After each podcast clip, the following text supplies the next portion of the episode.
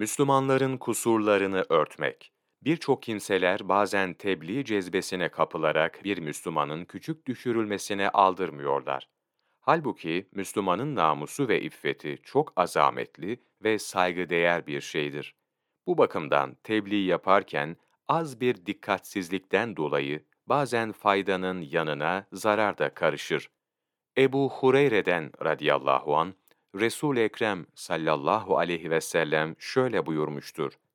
Kim bir Müslümanın kusurunu örterse, Allahu Teala dünya ve ahirette onun kusurunu örter. Bir kul, din kardeşine yardımda bulundukça, Allahu Teala da ona yardım eder. Müslim.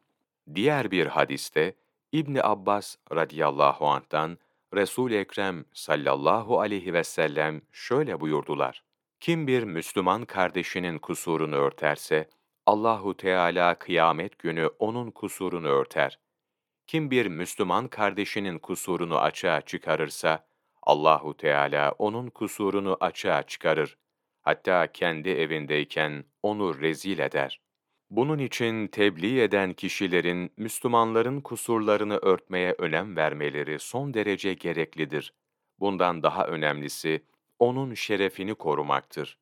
Resul-i Ekrem sallallahu aleyhi ve sellem şöyle buyurmuştur.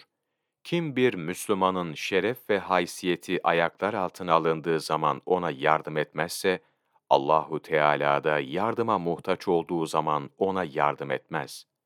Diğer bir hadiste, Peygamberimiz sallallahu aleyhi ve sellem mübarek sözü şöyle nakledilmiştir.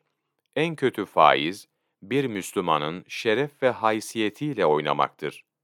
Buna benzer birçok rivayetlerde, Müslümanın haysiyetini zedelemeye karşı en sert ve ağır cezalar verileceği bildirilmiştir.